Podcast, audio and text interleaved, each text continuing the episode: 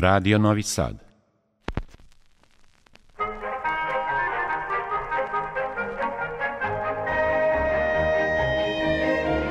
Putevima muzike. Vodi vas Olena Puškaš.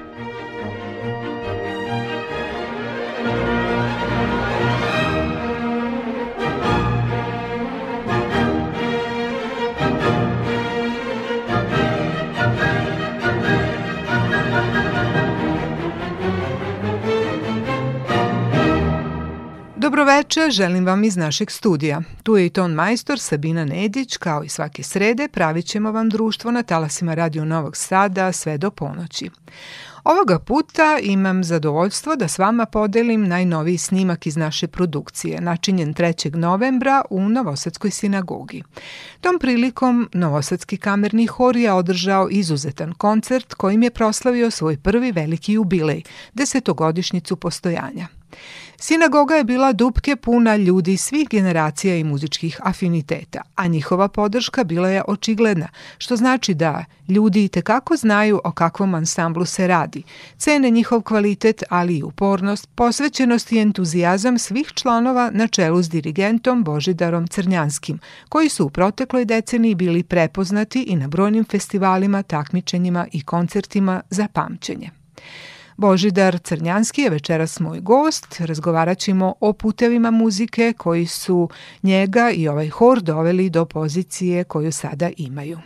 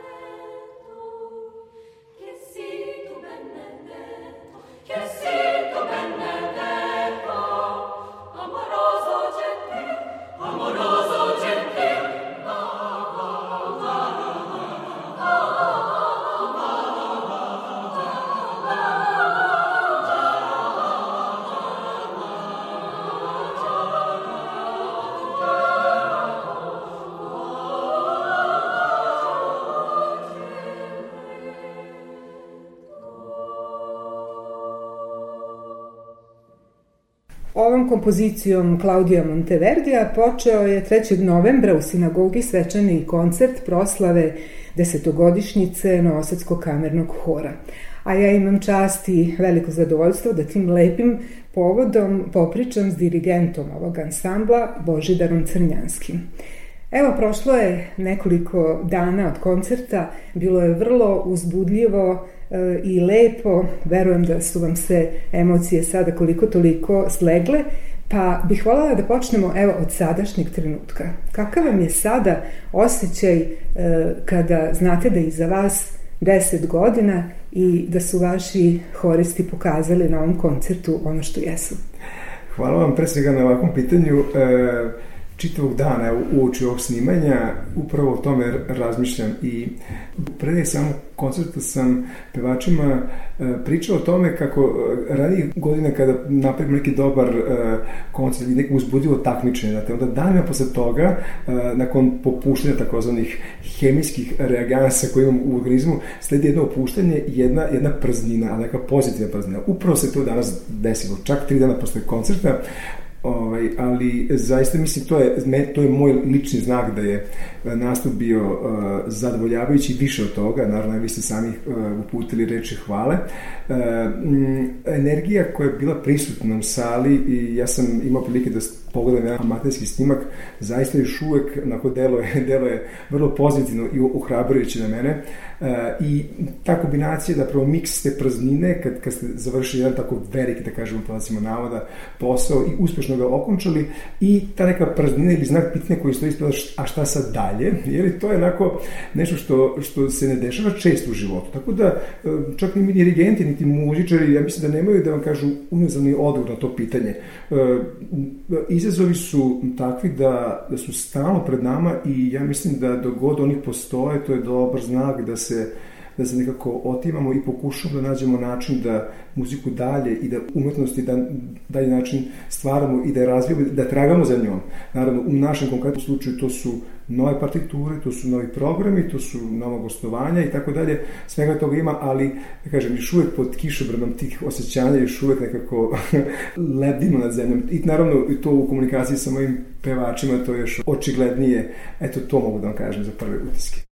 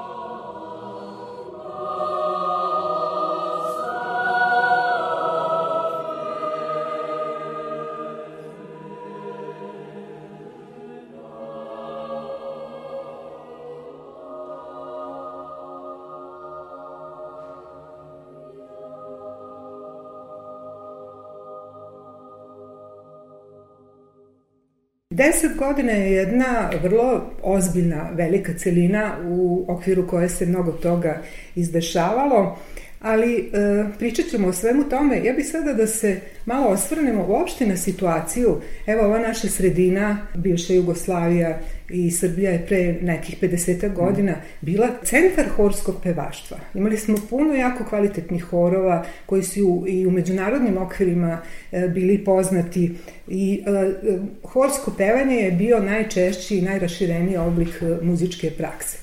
To se naravno vremeno malo promenilo, sada sve funkcioniše mnogo drugačije. Ja bih hvala da, da nam kažete kakva je bila situacija kada ste vi ušli u profesionalne vode, šta vas je privuklo horskom dirigovanju i uopšte horskom pevanju da bi to postala neka glavna vaša e, okupacija sada u profesionalnom životu? E, da, ima tome dosta godina, više od 20 kako se profesionalno bavim. Pri kraju studija sam započeo to prvo kao dirigent hora Jeverske opštine, potom kao dirigent hora Kudo Svetozar Marković, a onda pre deseta godina naravno kao dirigent Novatskog kamernog hora, a uporedu sa svim tim periodom sam radio sa svojim muškim ansamblom iz Renjina, Sveti Serafim Sarovski. Vremena zaista se, čini mi se nekako uh, u tim desetinama godina jako, jako menjaju uh, tolikom brzinom da nisam siguran da svi oni koji se bave umetnošću ovog tipa uspeju na najbolji način da, da, da se snađe. Evo o čemu je reč. Tamo početkom ili krajem 90. godine, početkom 2000. kada sam ja započinio neku svoju dirigentsku karijeru, još uvek su se osjećali ti, da kažem, ostaci, da kažem, te, te neki prolongirani uticaj e, postojanja bivše države i čitavog nasilja zapravo, ne samo e, prisustva i živih dirigenata, nego i njihovih seni, tako da kažem. Dakle, te neki osjećaj e, i osjećaj poštovanja prema svemu ono što je bilo do, do tada u to vreme veliko i bogato nastađe ovaj, svih ovih ansambla koje sam napomenuo e, su polako, polako evo za ovih 20 kusur godina polako postale mančice bleđe, moram da kažem, i naravno to u svakoj meri uh, onim ljudima koji, mladi koji pokušavaju i žele da eventualno se bave ovim poslom nedostaje. Ja sam, če, možda nisam često, ali sam spomenuo nekada da radići u kulturno umetničkom društvu Svetozar Marković, vodeći njihov mešoviti hor, svaki put kada sam ušao u salu Marković, znači ja sam imao i pogledao uh, sliku uh, velikog Lazara Bute, ja sam imao neki osjećaj strahopoštovanja. Ali to malo izgleda ovako izvuči, možda nestvarno, uh, da imate strahopoštovanje od prostora, ali imate osjećaj da je u toj sali da je nastajala umetnost, da su se rađale fantastične ideje, fantastični trenuci koji još uvek na neki način odjekuju u, u večnosti u prostoru i kada uđete u taj prostor, apsolutno imate takav jedan osjećaj i doživlje danas mladima, fale uzore, fale motivacija, fali, fali e, čak i energičnosti u smislu rešnosti da se nečim, da se nečega poduhvate, da, da nešto rade konkretnije, a m, povod sam, naravno ja sam e, iz grada Horova, takođe Zrenjanina, koji je obilo tim upravo čemu ste pričali malo pre e, i nekako pohađajući muzičku školu normalno je bilo da svako ko pohađa muzičku školu peva u nekom horu. Znate, to je bilo kao danas svako ima neki telefon, svako peva u nekom horu. Eto. Tako sam ja pevao u velikom horu Josif Marinković i tamo sam, da kažem, da to nekako prvi put zadojem tim horskim zvukom i onda sam naravno jednom trenutku poželao da sam pokušam da oblikujem, da stvaram, da, da iniciram, da pronalazim, da se mm, oprobam i tako dalje i naravno to mi je ovaj, vremenom polazilo za, za rukom.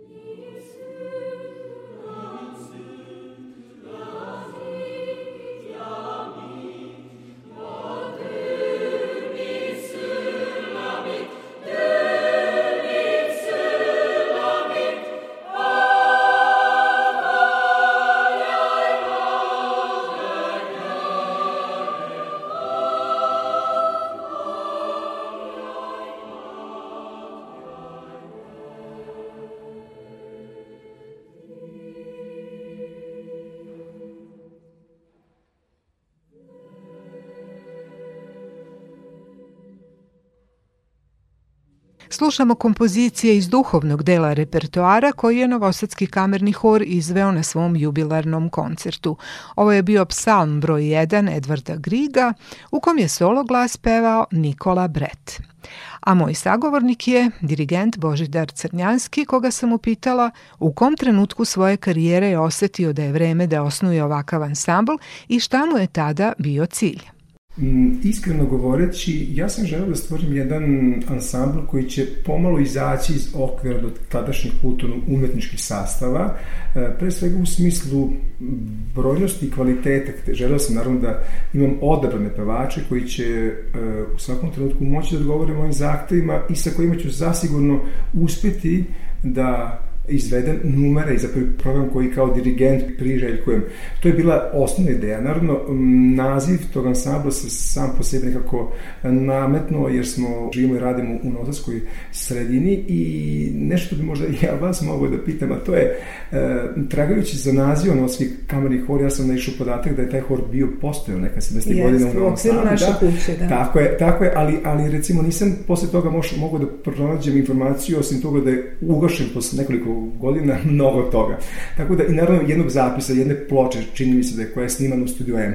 Ovaj, to je, da, ali to je bio recimo, profesionalni hor koji je radio kao ja ansambl u okviru Radio Novog Sada. Da, ja sam imao ideju da napravim jedan ne profesionalno u smislu angažovanja, ali profesionalno u smislu zahtevnosti i interpretacije. Mm -hmm. E sada, naravno, teško u sredini, naravno, kao što je naša, napraviti tako, tako nešto pre svega zbog finansijskih i materijalnih potpora koje su za takav poduhvat apsolutno neophodne, ali sam se trudio da od mladih studenta uvek oni koji žele, uvek oni koji hoće, koji mogu da izvučemo maksimalno kvalitet i da taj kvalitet oblikujemo i to je zapravo trag na kome i dan danas funkcionišemo i, i stvaramo ono što, ono što želimo.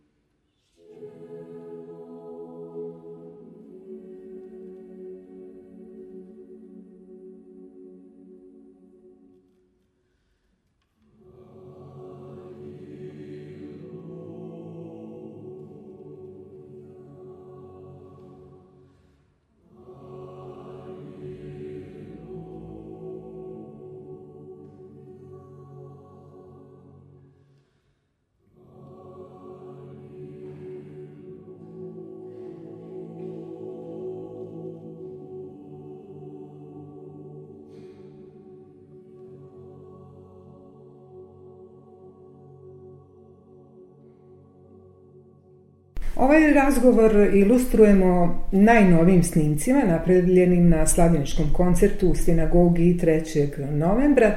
Za njega ste odabrali niz ne tako često izvođenih e, kompozicija različitog karaktera. Prvo nam recite nešto o izboru duhovnih kompozicija koje su bile vrlo zanimljive i od različitih autora. Tako je.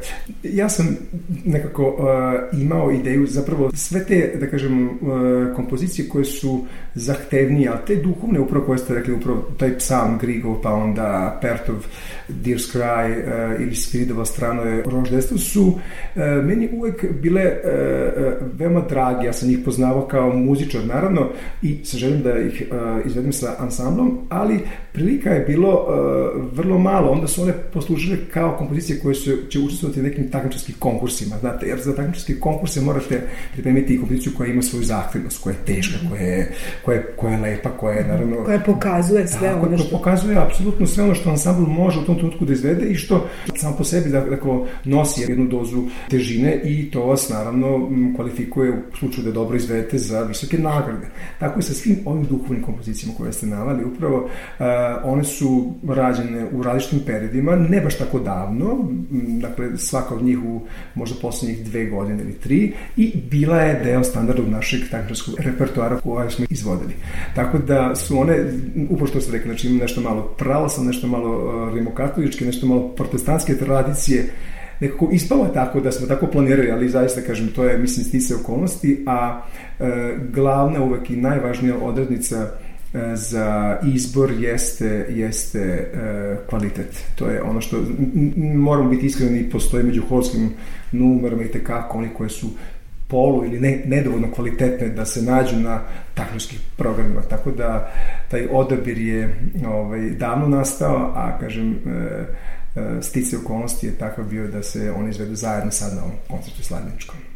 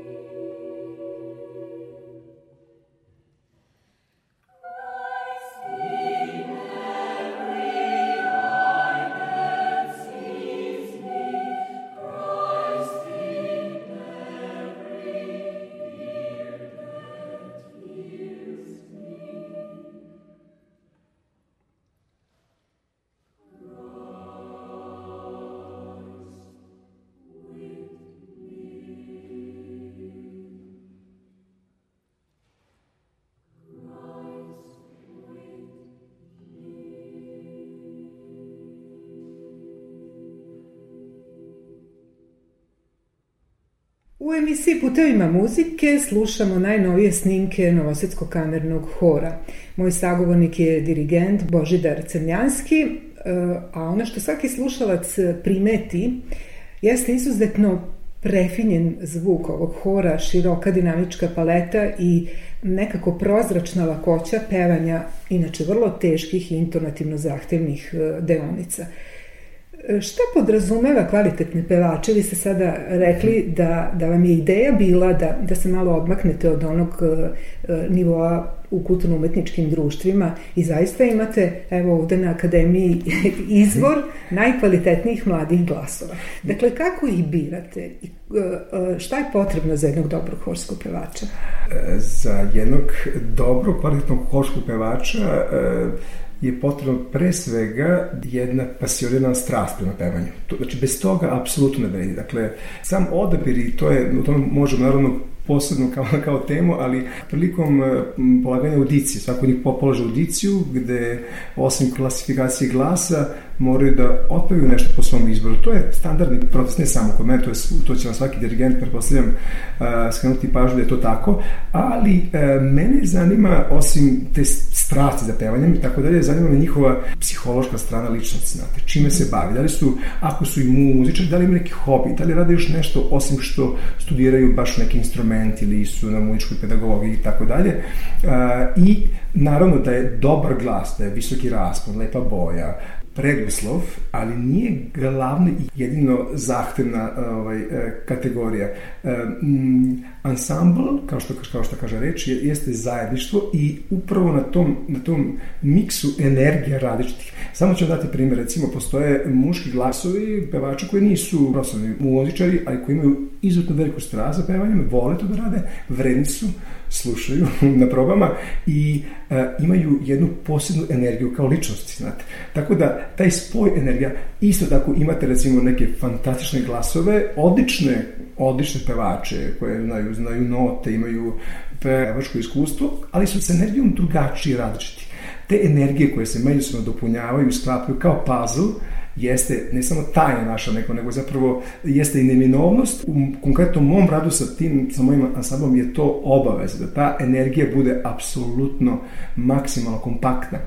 Zato ima, imate osjećaj uh, slivenosti, jednakosti, zajedništva. To je nešto na čemu se zaista radi. Kažem, taj zajednički da, zvuk. Apsolutno, apsolutno. Bez što su različiti glasovi u pitanju, znate, ili grupe glasova i tako dalje, i starostne granice, vidite ste imali nekih starih ljudi, odnosno pevača sa dužim iskustvom, neko ko je došao pred dve godine. Dakle, imate jedan potpuno, potpuno različiti spektar e, i profila i starostnih granice i tako dalje, ali sve to na kraju daje taj, to je naravno moj posao, moj zadatak da to se zajedno uobliči i da i da na kraju zvuči kao što ste rekli sliveno, lepo i sa lakoćom. Jedna od teškoća rada sa ovakvim horom jeste što vama pevači dolaze i odlaze, neko se kraće, neko duže tu zadrži. Evo, pročitala sam da je za ovih deset godina kroz hor prošlo oko stotinu članova. Tako je više I sigurno. ja sam imala prilike, mnogi od njih su bili u sinagogi mm -hmm. u publici i ja sam imala prilike, pošto neke od njih znam, da im posmatram lica dok su slušali te vaše interpretacije, dakle to je bilo puno divljenja i, i onako da jednog mhm. ponosa što su i oni bili članovi toga. Sad ste i rekli šta horsko pevanje podrazumeva ne samo dobar glas. Zašto vam je važno i to da, da oni imaju neka druga interesovanja? Apsolutno, zato što čovek kroz svoju širinu posmatra drugačije i može da percipira drugačije stvari koje zajedno e, doživljavamo i koje im ja naravno prenosim kroz sam zvuk. Znate, e, ti ljudi koji su nekada pevali su apsolutno e, vešte, ushićeno to posmatrali. Ja verujem i, i naravno iz njihovih reakcija primećujem da je tu neka i doza i poštovanja i divljenja, a pomalo i žalosti što jednostavno da, nisu da. više u stanju zbog svojih prirodnih naravno obaveza da budu deo ansambla, to je apsolutno razumljivo i naravno usled takvih okolnosti dešava se ta velika promena u ansamblu, evo recimo su na, na prošlogodišnji Mokančeve dane gde smo ovaj, imali veoma velik uspeh, e, čak devet članova je otišlo i došlo je novi devet. To je za jedan broj od 36, znate, to je ogroman odliv i priliv i sad vi to morate nekako da, da na, na brzinski način reagujete da to, da to prebrodite, jer ostatak ansambla ne može da čeka dok onih devet ne nauči. Zaista je to to, to je redno pojava svih većih ansambala koji nisu profesionalni, e zato se tu da ih zadržite što je moguće duže u ansamblu. Naravno, ovaj, E, to je m, kod muškog dela ansambla malo lakše, kod ženskog malo teže, zbog nama, zbog čega, zbog porodice i tako dalje. Kada porodice dođe, da tu malo obaveze a, e, poklapaju i naravno znaju se prioriteti, ali e, uprkos tomu svemu uspevamo da napravimo uvek ansambl koji ima određen broj a, potrebnih a, glasova i sve vrste, tako da za nas za sada nema problema tog, tog tipa. Kad govorimo o glasovima i članovima Novosadskog kamernog hora, lepo je što mnogi od njih vi ističete kroz neke solističke deonice u kompozicijama. Dosta različitih lepih glasova smo tu čuli. Mislim da nije lako stisnuti petlju i iz svoje grupe E, iskoračiti i nastupiti koliko god da je taj solo kraći ili duži. dakle, e, kako njih birate? Da li se oni e, sami preporučuju, da li žele?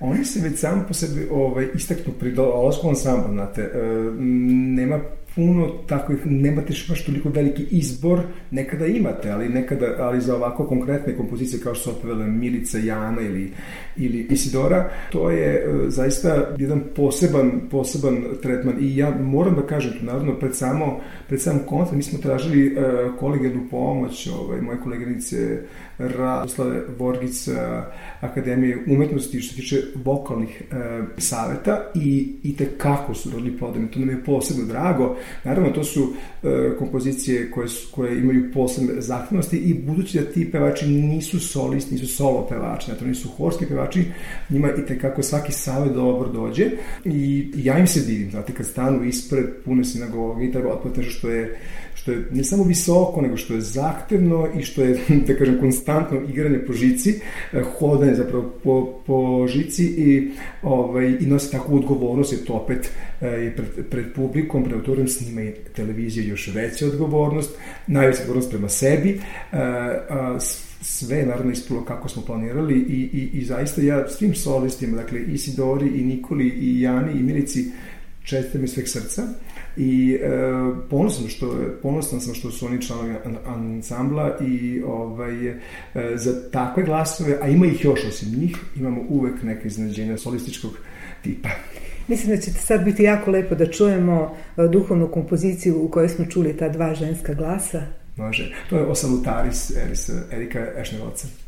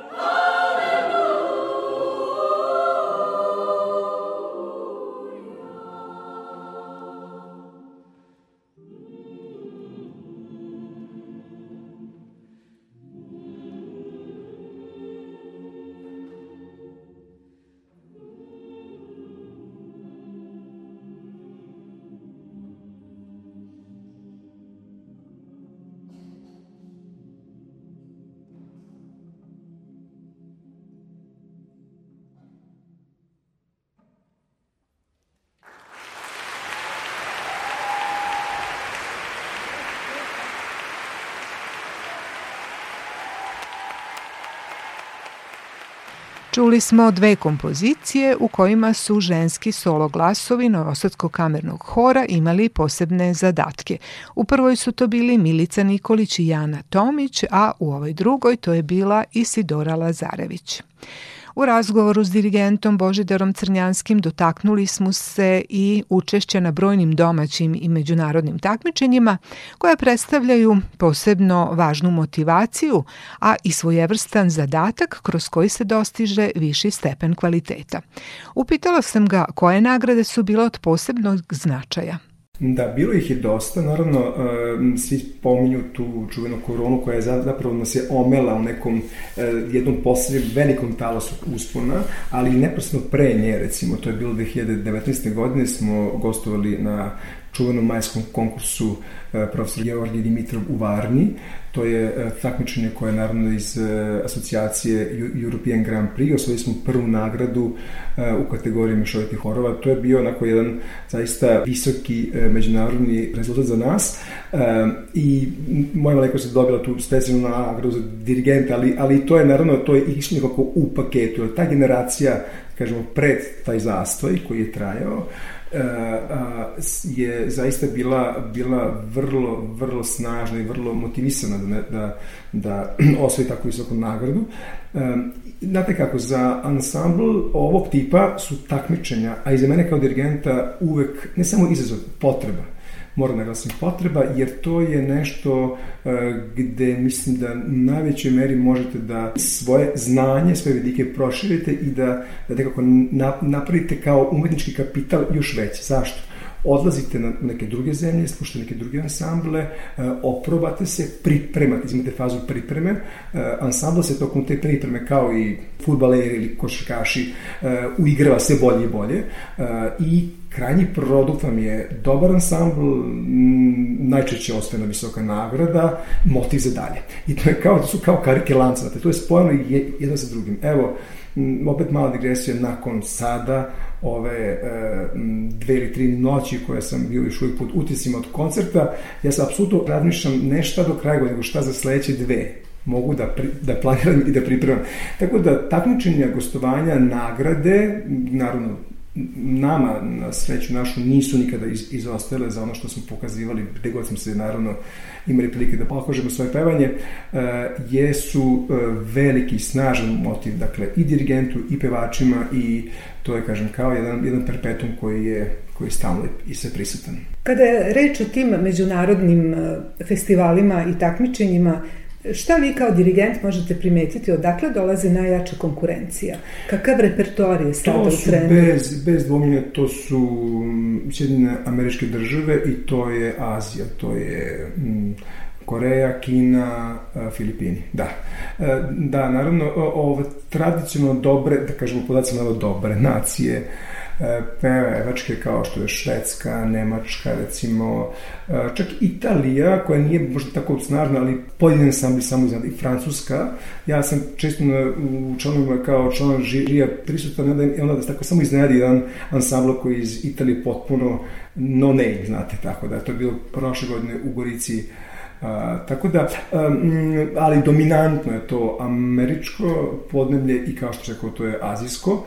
Ne znam, ne mogu da, da ocenim na, na osnovu čega to je, sa čime to u, u vezi konkretno, ali mislim da pre svega odnos prema nečemu što nije samo hobi, nego i kod njih su muzički koleđi izuzetno cenjeni, razvijeni, e, sistem je takav, tako organizovan i tako ustrojen da e, to podržava u velikoj meri i imate ogromni priliv mladih, naravno samim tim još veću i bolju selekciju i onda imate stručnike koji se školuju za to, Azijeti često se školuju u Americi uh, i onda imate naravno to kad uprte sa jednom disciplinom, sa jednom, jednom prednošću, sa jednom radom do obete jedan savršen južno-koreanski kor, recimo. Tako da, mislim, sve to naravno, ovo može se neko neće složiti s mojim mišljenjima, ali, ali ono što čujete na festivalima, kada se pojave ansambli iz ovih navedenih regija, uh, tu redko kad ima greške. Uglavnom, vrhunsko, zaista.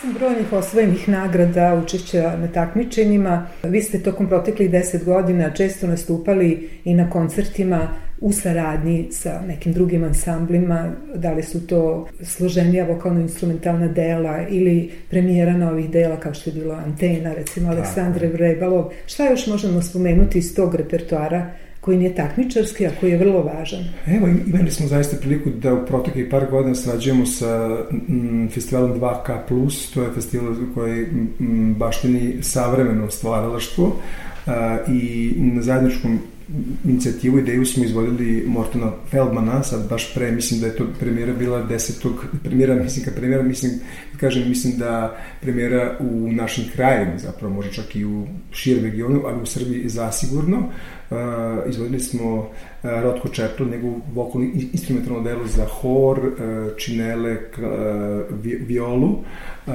soliskinju i uh, čelestu. Uh, To je bilo izuzetno interesantno i veoma, veoma zahtevno. To je delo koje ne traje dugo, nekih pola sata, 33 minuta, ali je, ali je za ansambl od 12 do 24 glasa, znate, sa ogromnim klasterskim ovaj, potencijalom i materijalom koji je sve vreme prisutan. Uh, to je naravno, izvodili smo još jednog američkog kompozitora, mislim 2018. to je David Lang, bio njegova ovaj, za mešoviti hor, devojka sa šibicama, to, da. po, po tom motivu. To je bilo, to je bilo fantastično To se sećam toga, ja, jeste, to je bilo fantastično. Jeste, tako da, ovaj, naravno tu su antene naše Aleksandre Vrebalov koje smo pevali i izvodili u Beogradu, što naravno nama za ansambl Novog Sada nije tako čest slučaj da gostujemo eto tu blizu u Beogradu, ali, ali to je zaista bilo uz pomoć ovaj, Pola Vodoške naše akademije umetnosti. To su ta tri veće vokalno-instrumentalna dela, ali smo sarađivali sa umetnicima koji se bave drugim žanrovima,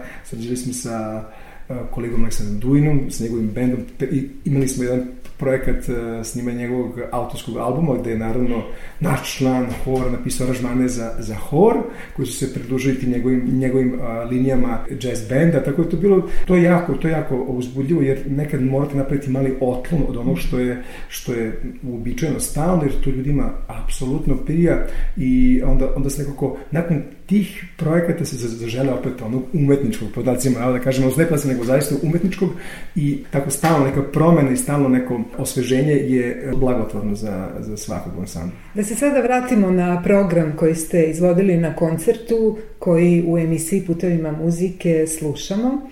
U jednoj kompoziciji uh, horisti su ušli među publiku, bukvalno su ih e, okružili i to je za one e, koji su slušali bilo jedno neobično iskustvo jer jednog od njih ste imali priliku kao, kao na uvo izvojenog da čujete, to je jedan divan osjećaj. Recite nam više o toj kompoziciji. Jeste. E, to je u pitanju aranžman vokalne grupe, kako se nazivaju Pentatonics, a kompozicija zove Run to You. I m, tema je takva strofa, zapravo tem, tematika je takva da apsolutno može da m, podrži i da ima opravdanje u tom našem scenskom delu nastupa kada smo imali ideju zapravo da publiku čitavu opkolimo zvukom horskim. Naravno, u sinagogi malo smo imali tehničkih problema jer je televizija pošto poto želela da nam snimi lice dok, se, dok, se, dok to izvodimo, a oni krajnji instance sinagoge koji su ispod uh, galerija su im bile daleko za, za, za, da, za svetlo smo morali da smanjimo taj krug, pa je, ta, pa je to slovo O ili slovo ovaj, okruglo, malo četvrsto bilo, bilo manje, ali mislim da je efekt bio ispunjen, oni koji smo hteli, upravo to, da ljudi čuju nekog koji pored njih, da bude malo čak i na, na, na jednom intimnom uh, razu, znate, a da ujedno se čuje čita hor, cijela harmonija. Kompozicija je upravo takva i uh, ovaj, poruka te kompozicije je takva da možda bude uh, usmerena ka m, upravo toj potrebi da imamo nešto blisko, znate, a da nas zapravo okružuje nešto što je zajedničko. Tako da eto, to mislim da je bilo zaista interesantno i uh, mnogi ljudi su nakon toga prilazili i bili iznenađeni upravo ali i udušeni pozitivan način ovaj, tim našim gestom. Meni je sad žao što naši slušalci neće moći to da vide i da osete na taj način, ali sada ćemo slušati tu kompoziciju.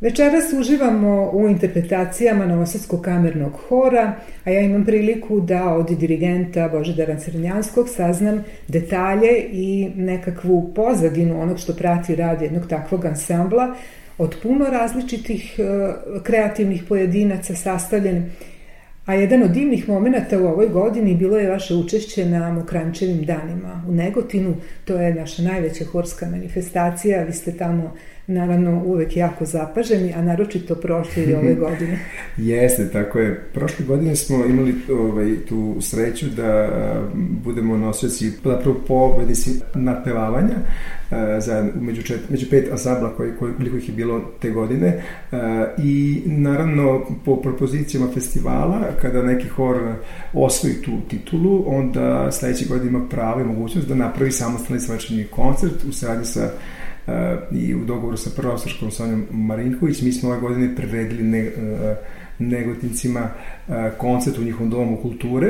E, koncert je bio u većoj meri zastupljen ovim numerama koji su novosađeni čuli, ali naravno uz taj izazov da, da je to ovaj, u jednom prostoru koji je potpuno drugačiji od sinagoge, koji nema toliko reverba akustike koji vam je pomalo i neprijatelj, ali smo imali zaista, zaista fantastičan energijski trenutak da koncert izvedemo tako da opet naravno, na našu sreću i zadovoljstvo oduševimo sve ljudi koji su bili tamo i stručni javnost i kritiku i tako dalje. Tako da Negotin je ovaj, grad evo koji se sad mislim već ove godine četvrti put zaradom, vidim što nekim drugim ansamblima, što nekim drugim povodim, ali sve su prilike da ćemo tamo po svemu su sujeći i češće gostovati. Tako da e, u Negotin rado se vraćamo i naravno ovaj, e, ove godine smo nam pevali na ceremoniji otvaranja ispred Mukaničke kuće. To je posebno divljivo, znati, kad spremite tu šest rukove, pa onda izvete sa svojim ansamblom e, i božanstveno će zaista.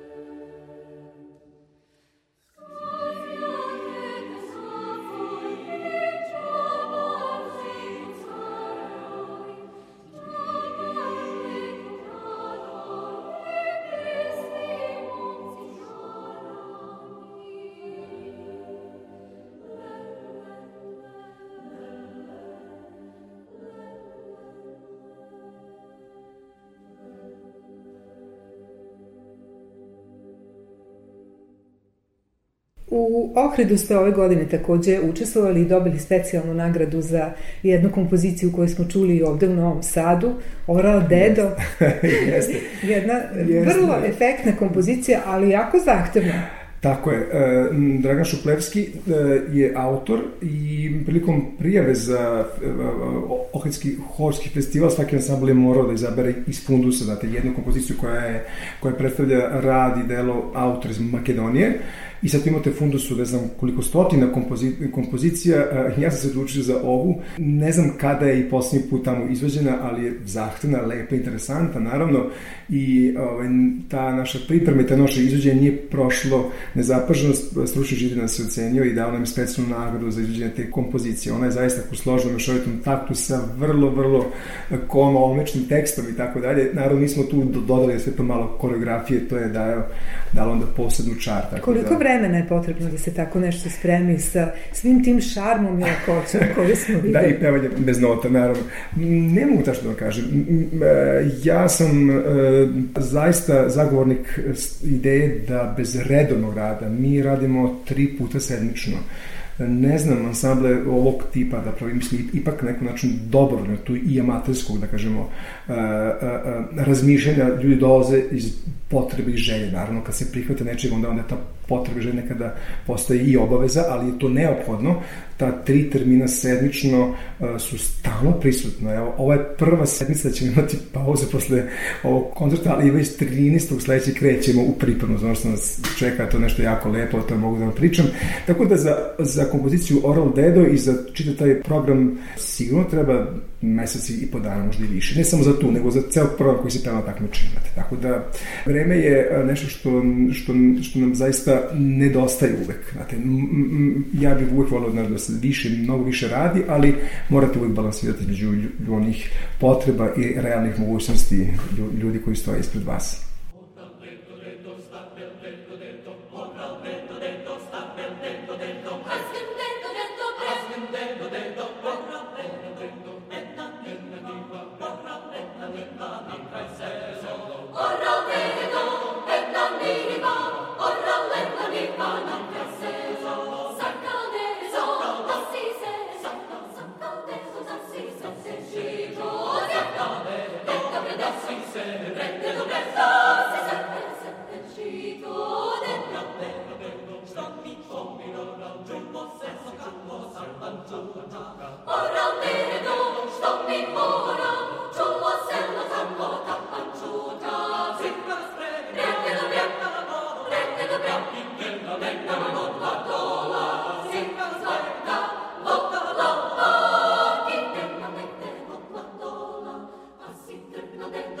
and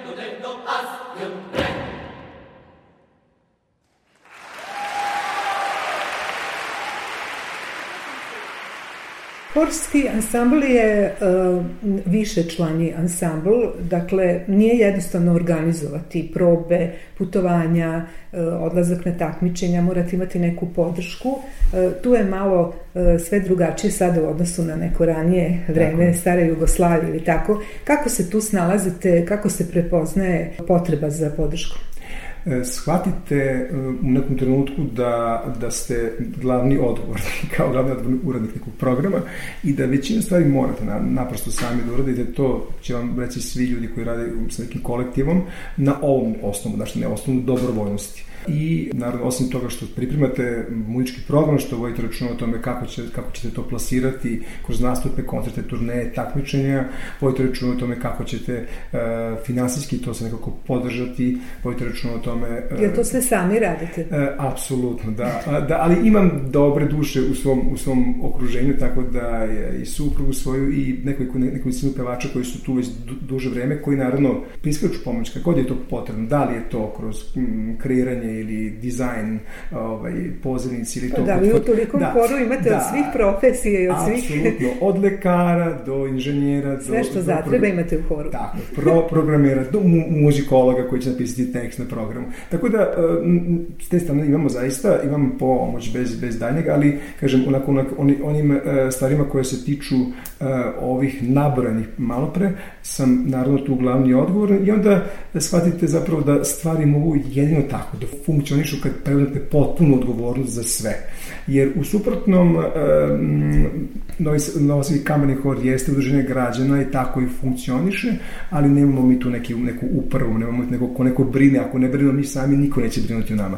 Tako da, uh, naravno, imamo, zahvaljujući podršci, naravno, ovaj, institucije koje raspisuju konkurse i postoji mogućnost da odemo na festival i da se takmičimo i tako da je to naravno i na gradskom, na pokrajinskom nivou, na, na, na republičkom nešto možda malo manje, ali naravno e, mislim da je taj naš rad, što je najmanje jako važno, rad i neki kvalitet prepoznat i da nekako nalazimo svoje mesto pod suncem. Lepota horskog pevanja je i u tome što muzikom možete proći kroz različite kulture, progovoriti raznim jezicima, um, osetiti ritmove od Makedonije do Južne Amerike, Filipina, osetiti setu i bol crnačkih duhovnih pesama, što smo takođe čuli. Pa kako pevači reaguju na svo to šarenilo, kako kod njih razvijate strpljenje i uh, to sigurno postoji neka procedura, uh, nisu sve faze jednako interesantne. Mm, tako je, tako je. Nisu ni faze učenja, dakle, faze učenja su nekada malo, malo teške i ovaj, ali... Da, dok se ne čuje ta celina... Tako je, tako je. Kad imate, pošto naravno kao i svi sabli radimo po, po glasovima ovde to je neminovnost, jer da, naravno nekad ponekad radimo i jedan na, na, na jedan, ali sreće nekada naravno mogu da im približim tu muziku koju sam odabrao tako što im odsviram ili naravno pustim neki video primer, ako postoji primer, često ne postoji, pošto nekada prvi put izvedemo neka dela, ali e, imam sreću da pevači nekako imaju poverenje u mene, da one, one moj izbor koji stavim ispred njih, e, oni znaju već da ih čeka nešto lepo i nešto egzotično.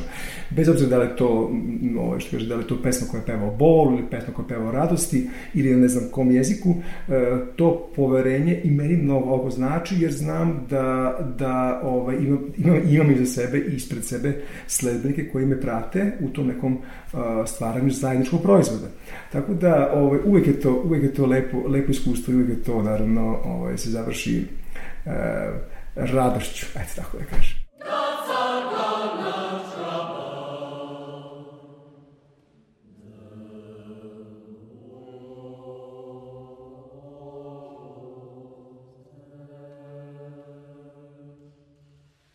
Great.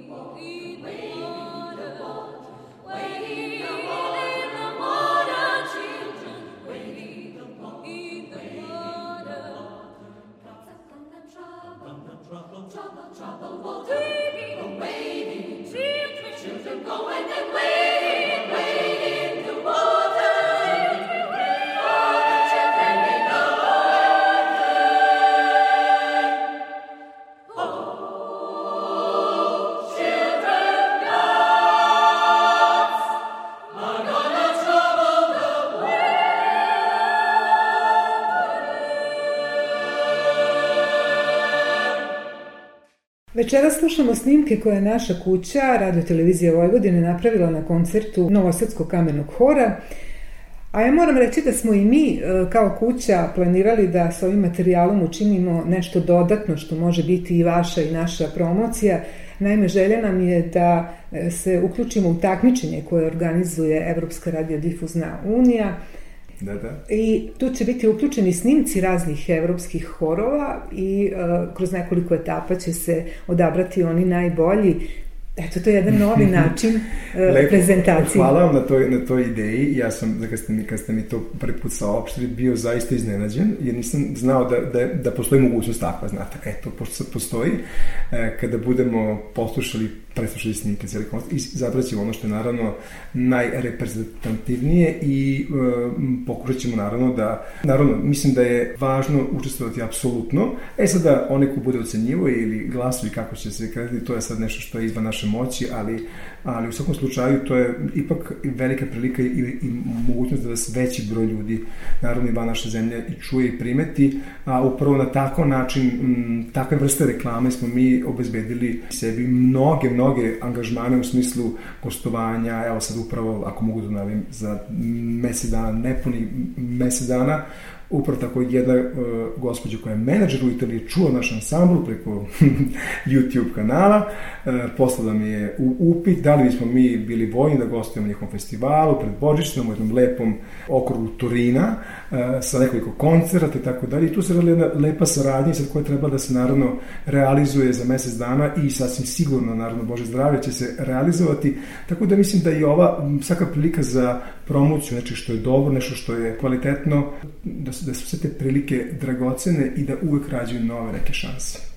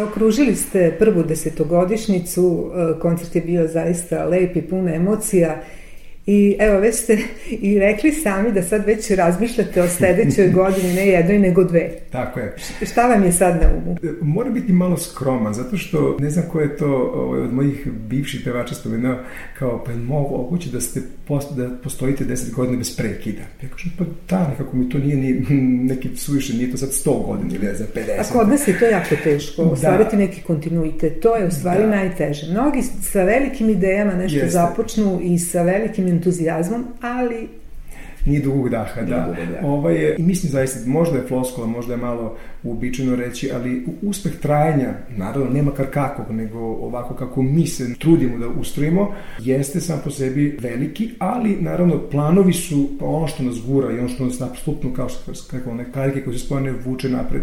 E, sledeće godine imamo nekoliko, ja zapravo imam nekoliko dilema gde da plasiramo naš proizvod, gde da, gde da se prijavimo, jer e, tamo gde god se prijavimo, tamo nas nekako po, običaju prihvate i, i pozovu, ali e, to opet mora biti dobro isplanirano sa, sa kalendarskom godinom, sa obavezama pevača i tako dalje. E, vi ste imamo najave nekih e, izvođenja nekih premijanih opet kompozicija naših autora, tako da to je nešto što, naravno, ja o tome ne želim da pričam dok, dok se ne bude realizacija, ne bude sasvim izvesna, ali za dve godine apsolutno morate planirati, jer to jako brzo prođe, to je kratak period u, u onom što mi radimo. Time bismo i završili ovaj razgovor. Hvala vam na izdvojenom vremenu i eto, završit ćemo ovaj razgovor poslednjom kompozicijom sa vašeg programa. Hvala vam. La, la, la,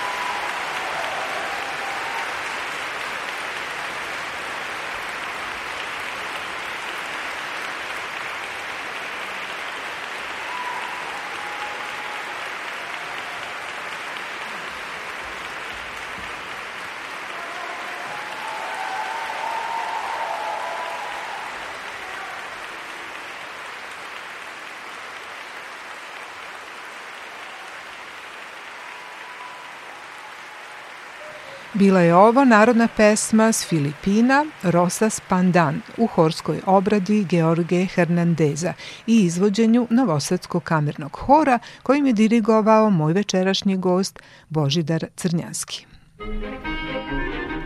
Putevima muzike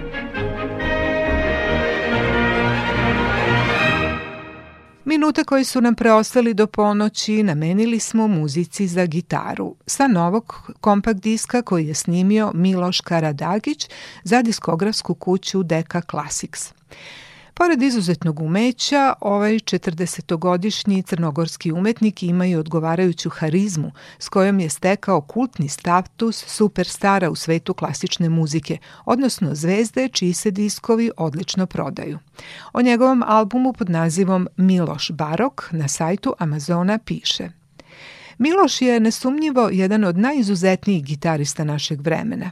Njegova tehnička veština, emocionalna dubina i muzički senzibilitet su bez premca, a zaradio je kritike i brojne nagrade za svoje snimke od Baha do Beatlesa. Nakon njegovog meteorskog uspona među svetskim klasičnim gitaristima, koji je počeo pre 12 godina sa albumima na vrhu top lista i rasprodatim nastupima širom sveta, ove 2023. počelo je novo poglavlje u Miloševoj karijeri. Svoj najnoviji CD oblikovao je kao zbirku baroknih dela. S vremena na vreme, uzbudljivo virtuozan, ponekad duboko meditativan, on daje sobstvenu sliku muzici Baha, Hendla, Vivaldija, Scarlatija, Ramoa i drugih. To piše u recenziji na sajtu Amazona gde se album može nabaviti, a ja ću dodati da je materijal sniman u Londonu u crkvi St. John Sapron Norwood i da tu, pored niza solističkih kompozicija za gitaru, ima i kamernih i koncertantnih dela u kojima Karadagić sarađuje s članovima instrumentalnog ansambla Arkanđelo i dirigentom Jonathanom Cohenom. Upravo iz tog dela materijala koji je aranžirao Miloš Karadagić, sada ćemo čuti stavove iz koncerata Antonija Vivaldija i Alessandra Marčela, kao i kvinteta s gitarom Luigija Boccherinija.